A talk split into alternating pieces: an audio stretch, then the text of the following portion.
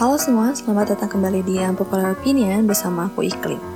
Di episode kali ini aku akan membahas isu yang lagi panas-panasnya di Amerika, yakni tentang isu rasisme dan Black Lives Matter movement. Sedikit disclaimer ya di awal kalau misalnya di masa seperti ini memang kita nggak boleh berprasangka I can't speak what it's like to be black I'm not a black person dan tentunya aku tidak mengalami apa yang mereka alami but I spent a week more than a week now trying to educate myself further on this topic dan sebanyak mungkin listen to black people stories so that I can understand and show my empathy for them that I hear them and I stand with them. Dan di sini I'm not taking up spaces. Aku nggak berusaha mengambil ruang black people untuk bersuara, tapi aku cuma mau membagikan kepada kalian apa yang aku dapetin dan aku bahasakan kembali agar lebih bisa dimengerti oleh orang Indonesia khususnya. Dan aku harap lewat podcast ini kalian jadi mengerti dan turut berempati atas apa yang sedang terjadi. Begitu. Kita pasti melihat video viral yang memperlihatkan detik-detik kematian seorang pria berkulit hitam bernama George Floyd yang dibunuh oleh seorang polisi bernama Derek Chauvin. Hal ini berawal dari seorang karyawan supermarket yang menelpon 911 dan bilang kalau misalnya ada customer yang mau beli rokok dan katanya uangnya palsu. George Floyd tanpa perlawanan dibunuh dengan cara dicekek lehernya pakai dengkul si polisi sampai dia nggak bisa nafas. Aku sendiri nggak nonton videonya secara full karena benar-benar mengerikan banget. It was so painful to watch. The fact that bagaimana kita melihat detik-detik kematian seseorang dengan mata kita sendiri atau the fact that kita melihat seseorang dibunuh oleh orang yang tugasnya melindungi dan melayani dan the fact that the police officer yang membunuhnya itu dengan so calm dan dengan watados wajah tanpa dosa seolah-olah dia memang bisa dan legal melakukan itu dan the fact that Gak ada yang bantu nolong untuk menengahi, padahal ada tiga polisi lain di sana dan George Floyd udah begging to stop karena dia udah kesakitan. But he didn't stop until George last breath. Cerita ini tentunya memicu emosi semua orang yang pada akhirnya memicu gerakan Black Lives Matter kembali viral. Untuk yang belum tahu, gerakan Black Lives Matter ini adalah gerakan aktivis internasional yang mana mereka menantang segala bentuk kekerasan dan rasisme terhadap orang kulit hitam. Gerakan ini sudah ada sejak tahun 2013 di mana mereka memprotes terhadap isu-isu profiling berdasarkan ras yang sering terjadi pada saat itu, seperti police brutality dan kasus-kasus racial injustice lainnya. Rasisme ini udah ada sepanjang sejarah manusia ya, bisa didefinisikan sebagai kebencian seseorang terhadap orang lain atau keyakinan bahwa dirinya lebih superior dibandingkan orang lain karena warna kulit, bahasa, adat istiadat, tempat lahir, atau faktor apa pun yang diduga mengungkapkan sifat dasar orang tersebut. Rasisme ini telah mempengaruhi dan menyebabkan adanya perang, perbudakan, pembentukan suatu negara, dan kode hukum. Terkait dengan apa yang terjadi akhir-akhir ini, sebenarnya aku rada sulit untuk mengcompile isu ini jadi satu pembahasan yang solid karena isu ini sifatnya sistemik dan historical juga dan struktural juga dan institusional juga. Tapi aku nemu insight menarik dari videonya Trevor Noah. Menurut Trevor, rasisme yang terjadi terhadap black people di Amerika itu seperti efek domino secara struktural. Dan pada saat COVID-19 ini, di mana semua orang menghadapi ancaman wabah COVID-19, black people di Amerika harus menghadapi wab ancaman wabah COVID-19 dan racism. Ada salah satu kejadian yang bikin membuka mata semua orang akan bagaimana kompleksnya rasisme yang terjadi di sana. Mungkin sebagian dari kalian udah nonton videonya Amy Cooper, white woman yang menelpon polisi dan membuat laporan palsu menuduh seorang black man Christian Cooper yang bilang kalau misalnya Christian Cooper ini menyerang dia dan mengancamnya. Yang belum nonton videonya, stop dulu podcast ini dan tonton videonya sekarang juga biar kalian bisa mengerti konteks yang akan aku jelasin di sini. Dari video tersebut kita semua bisa pahami dengan seksama bagaimana si Amy ini weaponize her whiteness untuk mengancam nyawa seorang pria berkulit hitam. Dan ini adalah salah satu contoh dari the power of supremacy Tanpa mikir panjang, dengan refleksinya dia bilang, I'm gonna tell them there's an African American man treating my life.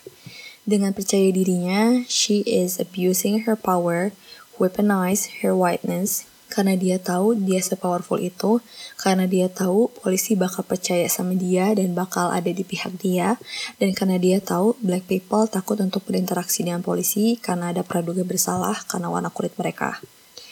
Yang kedua adalah bagaimana kebencian dia terhadap Christian Cooper atau black people in general. Awalnya kan Christian ini menegur si Amy tentang peraturan di taman itu kan, yang memang anjing itu nggak boleh dilepas dan harus ditali, harus diawasi sama pemiliknya, karena area taman itu khusus untuk bird watching we can see how Amy Cooper reacts. Dia nggak suka ada black man yang ngasih tahu peraturan itu ke dia dan malah menyimpulkan itu sebagai penyerangan dan ancaman dari Christian. Dia nggak terima dapat teguran itu karena mungkin di benak dia yang biasanya ngasih tahu peraturan itu adalah higher authority. Coba kalau misalnya negur dia bukan black people. Coba kalau misalnya negur dia adalah white people atau polisi. Kayaknya dia nggak bakalan melakukan hal yang sama. Dan gilanya lagi adalah bagaimana si Amy ini, dia nelpon, dia juga melakukan improvisasi kalau misalnya si Christian Cooper ini juga ngancam anjingnya. Padahal dia yang nyekek anjingnya dengan cara narik-narik paksa kalungnya. Untungnya Christian Cooper ini merekam semua kejadian ini dan ngasih tahu ke dunia gimana bobroknya orang-orang dengan white supremacist gimana fed upnya jadi black people yang cuma mau lihat burung di taman doang tapi malah difitnah dan diancam. Dan jadi bukti yang kuat kalau misalnya si Amy ini cuma ngehalu doang cuma ngibul gitu. Coba kalau misalnya Christian gak ngevideoin mungkin polisi gak bakal percaya si Amy karena Christian gak punya bukti. Cerita Christian Cooper ini hanya satu dari sekian banyak domino sebelumnya dan tentunya jadi domino untuk cerita-cerita selanjutnya seperti penembakan Ahmad Arbery, sampai yang terkini George Floyd. Banyak orang yang salah tanggap, khususnya orang-orang yang aku temuin di Twitter ya. Ada yang bilang kalau misalnya rasisme ini akibat dari film-film Hollywood yang selalu portray black people as criminals, poverty, drugs, dan lain sebagainya. Padahal enggak gitu.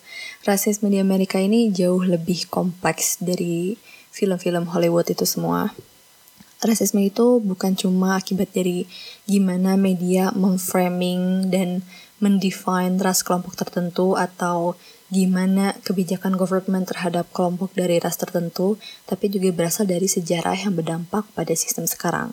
Seperti perbudakan di Amerika Serikat 400 tahun yang lalu, atau pembantaian kaum Yahudi di Jerman zaman Perang Dunia, atau perbudakan dan kerja paksa di Indonesia pas zaman penjajahan atau masa kolonial racial injustice ini ada di mana-mana.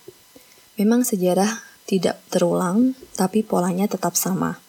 Mungkin sebagian besar orang pada saat ini udah mulai aware tentang isu ini dan banyak yang bersuara juga, tapi deep down ideologi ini masih terinternalisasi dalam diri kita, sadar atau enggak. Meskipun perbuatan sekecil apa pun, seperti pengen kulitnya putih dan beli seabrek produk pemutih kulit, Terus juga aku suka lihat ya di Twitter, tweet-tweet cara memutihkan badan. Itu laris manis banget dengan ribuan retweet dan likes yang menunjukkan banyak orang yang pengen putih. Terus juga aku suka nemuin ya orang-orang yang masih ngatain temennya kayak, hitam banget sih loh, pernah mandi gak sih? Atau bahkan sekadar lirikan dan tetapan yang tertuju ke orang-orang yang berkulit gelap. Kulit gelap itu tidak cantik, putih itu baru cantik. Meskipun gak pernah bahas secara terbuka, tapi pemikiran, persepsi ini itu masih ada. Sehingga banyak orang yang terobsesi buat mutihin kulitnya dengan cara apa pun meskipun itu merugikan dirinya. Dia ogah buat menerima kondisi kalau misalnya kulitnya punya melanin yang lebih banyak. Permasalahan rasisme ini bukan hanya urusan black people dan white people aja. Tapi kita juga dari berbagai ras, budaya, agama, apa pun, kita juga berpartisipasi dalam spektrum ini dan bahkan menjadi salah satu alasan kenapa rasisme itu masih ada.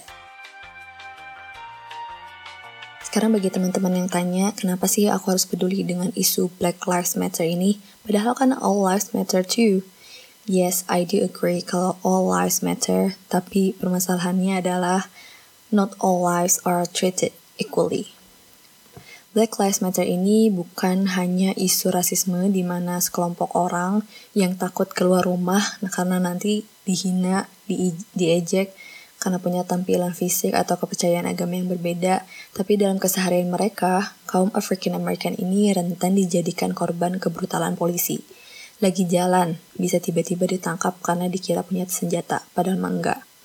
Lagi nongkrong di taman, malah berakhir di penjara 12 tahun karena polisi males, males cari pelaku dari kasus pembunuhan di taman tersebut. Terus cari jalan pintasnya, mengkambing hitamkan orang African American yang ada. Tidur di rumah, ditembak mati karena polisinya salah gerbek rumah orang, dan lain sebagainya. Gak peduli agama kamu apa, mau Kristen atau Islam, kalau kamu berkulit hitam, kamu selalu salah, selalu jahat, selalu bawa narkoba, selalu berbahaya. Belum ngomong aja udah salah karena warna kulit. And it happened for years. Sampai anak-anak mereka harus diajarin, you have to work twice as hard to get half of what they have. Diajarin narasi, saya nggak bawa senjata, saya pakai uang saya sendiri sebelum pergi ke supermarket tanpa mereka paham kenapa mereka harus ngelakuin itu. Mendukung sebuah movement tidak berarti kita nggak peduli atau seakan meremehkan movement lainnya. In the end, we are all connected apa yang sedang terjadi sekarang di Amerika sangat bisa untuk mempengaruhi keadaan kita juga. Saat ini momentum Black Lives Matter sedang tinggi dan bisa aja lewat movement ini bisa menjadi revolusi anti rasisme. Dan bukan tidak mungkin bisa mendorong agar dunia pun akhirnya benar-benar terbuka dan mendorong kelompok tertindas lainnya. Pun di sini aku tidak memaksa kalian untuk bersuara karena aku percaya setiap orang punya caranya masing-masing untuk menanggapi isu ini dan aku baca salah satu postingannya Stephen Bartlett di LinkedIn kalau mereka hanya ingin didengarkan. Mereka hanya ingin semua orang meluangkan waktu untuk mendengarkan, memahami, dan merefleksikan diri. Tujuan dari Black Lives Matter in movement ini bukan untuk jadi tren di media sosial atau jadi politically correct di depan followers kita, tapi tujuan utamanya adalah change, perubahan. Dan ada banyak cara untuk mencapai perubahan itu ada yang melakukan self-reflections, melakukan political pressure, melakukan protesting, dan mengedukasi diri kita sendiri. Untuk teman-teman yang ingin bertindak tapi tidak tahu harus bagaimana, ada beberapa hal sederhana yang bisa dilakukan seperti menyebarkan awareness tentang pentingnya racial justice ke followers kalian lewat repost atau retweet maupun educate yourself about black people from black people dengan baca buku yang ditulis sama black author, terus tonton video atau film yang diproduksi sama black people, dengerin podcast dari black announcer, follow akun media sosialnya black figures, agar kita bisa mengerti nuansa yang ada di dalam black community. Dan yang paling penting adalah kita harus aktif tegur kalau misalnya ada orang yang masih melakukan diskriminasi ras, baik itu teman atau keluarga atau siapa pun yang kalian temuin di media sosial. Dengan generasi yang teredukasi akan pentingnya keadilan dan kesetaraan antara ras, suku, budaya, tentunya kita bisa memutus rantai rasisme yang sudah terinternalisasi di dalam masyarakat dan jadi pembelajaran untuk kita agar tidak menurunkannya ke anak cucu kita. Terima kasih untuk yang sudah mendengarkan episode kali ini. Semoga kalian bisa mendapatkan sesuatu dari apa yang udah aku bahas di sini. Feel free to share this podcast karena semakin banyak orang tahu, semakin banyak orang yang teredukasi, dan semakin sedikit rasisme yang ada. Semoga. Untuk yang ingin berdiskusi ataupun request topik pembahasan lainnya, bisa banget DM di Instagramnya at unpopular.opinion.podcast atau di Instagramnya aku at iklimamus. Dan sampai jumpa di episode selanjutnya. Dah!